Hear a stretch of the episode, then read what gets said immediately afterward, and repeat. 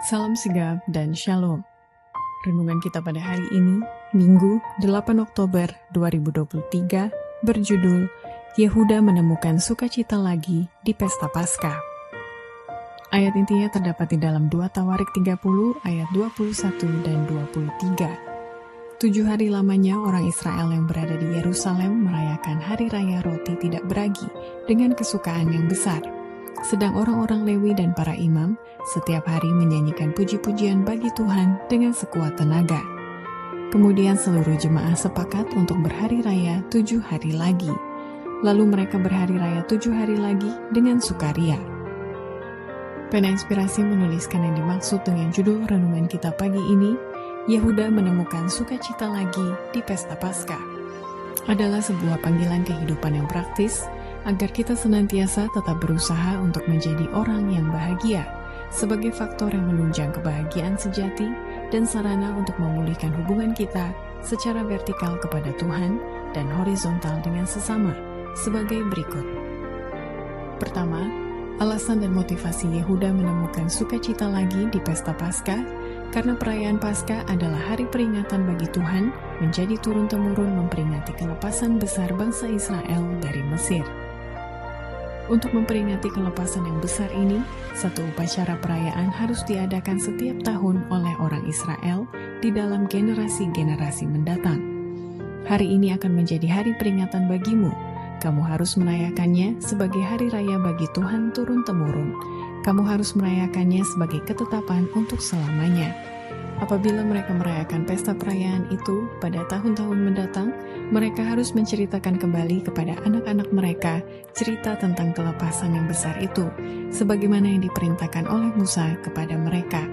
Maka haruslah kamu berkata, itulah korban Paskah bagi Tuhan yang melewati rumah-rumah orang Israel di Mesir, ketika ia menulahi orang Mesir tetapi menyelamatkan rumah-rumah kita. Kedua, Alasan dan motivasi Yehuda menemukan sukacita lagi di pesta Paskah karena perayaan Paskah adalah bersifat memperingati dan juga sebagai satu lambang, bukan hanya menunjukkan kembali kepada kelepasan dari Mesir, tetapi juga ke depan kepada kelepasan yang lebih besar yang akan dilaksanakan oleh Kristus dalam membebaskan umatnya dari belenggu dosa.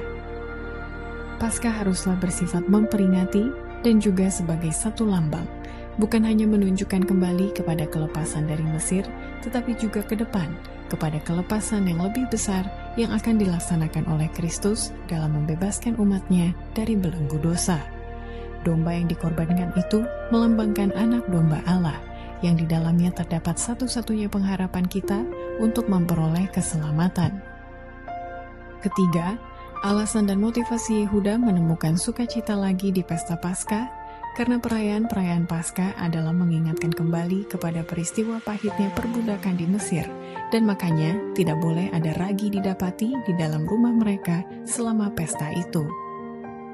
Anak domba itu harus dimakan bersama dengan sayur-sayuran yang pahit, untuk mengingatkan kembali kepada pahitnya perbudakan di Mesir.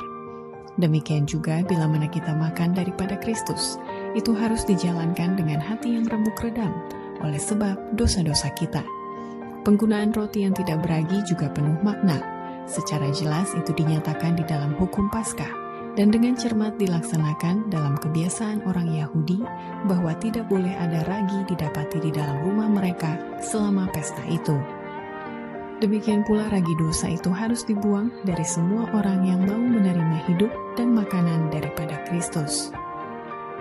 Keempat, alasan dan motivasi Yehuda menemukan sukacita lagi di pesta Paskah karena makna perayaan-perayaan Paskah akan berakhir saat Yesus menyerahkan hidupnya di Bukit Golgota dan upacara perjamuan suci ditetapkan sebagai suatu peringatan dari peristiwa yang sama untuk mana Paskah merupakan satu lambang. Pada hari yang ke-14 dari bulan itu, pada senja hari, Paskah dirayakan. Upacara-upacaranya hikmat serta mengesankan memperingati kelepasan dari perhambaan di tanah Mesir dan menunjuk ke depan kepada korban yang akan membebaskan dari perhambaan dosa. Pada waktu juru selamat menyerahkan hidupnya di Bukit Golgota, makna Paskah berakhir dan upacara perjamuan suci ditetapkan sebagai suatu peringatan dari peristiwa yang sama untuk mana Paskah merupakan satu lambang.